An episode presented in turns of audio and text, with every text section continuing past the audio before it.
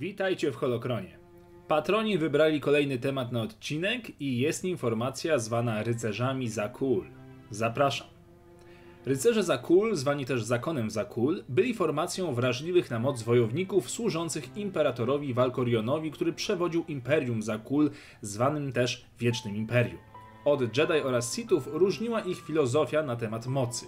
Wierzyli oni, że moc jest jedynie narzędziem, które należy wykorzystać w pogoni za sprawiedliwością.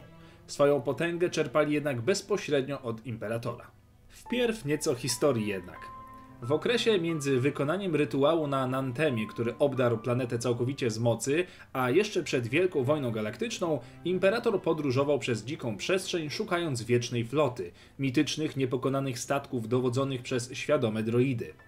Armia ta miała zagwarantować dominację w galaktyce. Podczas tej podróży Valkorion dotarł na planetę Zakul, zamieszkałą przez prymitywnych, zabobonnych ludzi wierzących w starych bogów. Imperator uformował z swoich własnych wyznawców, tworząc wśród nich zakon rycerzy Zakul, którzy byli mu fanatycznie oddani.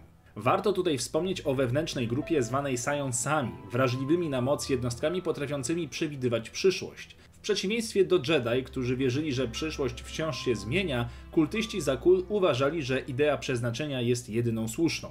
Dzięki ich pomocy imperator namierzył w końcu wieczną flotę i zapanował nad świadomymi droidami zwanymi Gemini.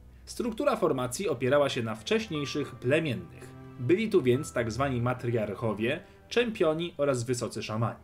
Zadaniem wszystkich była ochrona imperatora i wypełnianie jego woli. Choć służyli imperatorowi, podlegali bezpośrednio pod wysoką sprawiedliwość. Tytuł, który w tamtym okresie dzierżyły m.in. Juriem oraz Wailin, czyli córka samego imperatora. Dzięki wyparciu się filozofii Jedi oraz Sith potrafili korzystać z szerokiego wachlarza umiejętności, nie ograniczając się do ciemnej czy jasnej strony. Uważali, że każdy musi podążać swoją ścieżką w poszukiwaniu kontaktu z mocą i żadna strona nie jest słabością, a jedynie narzędziem. Podczas zdobywania wiedzy, która mogła im dać znaczną potęgę, byli zobligowani do podzielenia się nią z innymi, tak by wszyscy czerpali z tego korzyść. Parę słów o uzbrojeniu.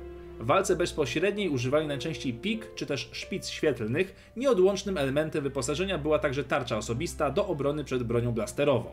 Niektórzy decydowali się na używanie tradycyjnych mieczy świetlnych lub podwójnych. Najczęściej używali niebieskiego koloru ostrza, wyjątkiem była osobista, zmodyfikowana cybernetycznie ochrona imperatora, która używała mieczy pomarańczowych. Ich pancerz był najczęściej koloru złotego, a każdy z nich musiał wykuć swój pancerz osobiście, będąc jeszcze młodzieńcem. Podczas walki atakowali najczęściej grupami, a dzięki wsparciu walkerów oraz droidów zwanych Skytrooperami byli dość silnym oponentem na polu walki. Po upadku imperatora formacja przechodziła różne zmiany. Część formacji została zamieniona w tzw. Tak Straż Horyzontu, inni natomiast zmienili przynależność z Wiecznego Imperium na Wieczny Sojusz, gdzie służyli jako ochrona najwyższych władz. Wielu rycerzy odeszło jednak z zakonu i założyli oni inną formację zakon Zildroga, który w tajemnicy knuł swoje własne plany. Dowodził nimi niejaki Win Atrius. I to dziś już wszystko w tym temacie. Pamiętajcie, by proponować swoje tematy na odcinek w komentarzach oraz na zamkniętej grupie dla patronów, jeżeli chcecie do nich dołączyć. Niech moc zawsze będzie z Wami.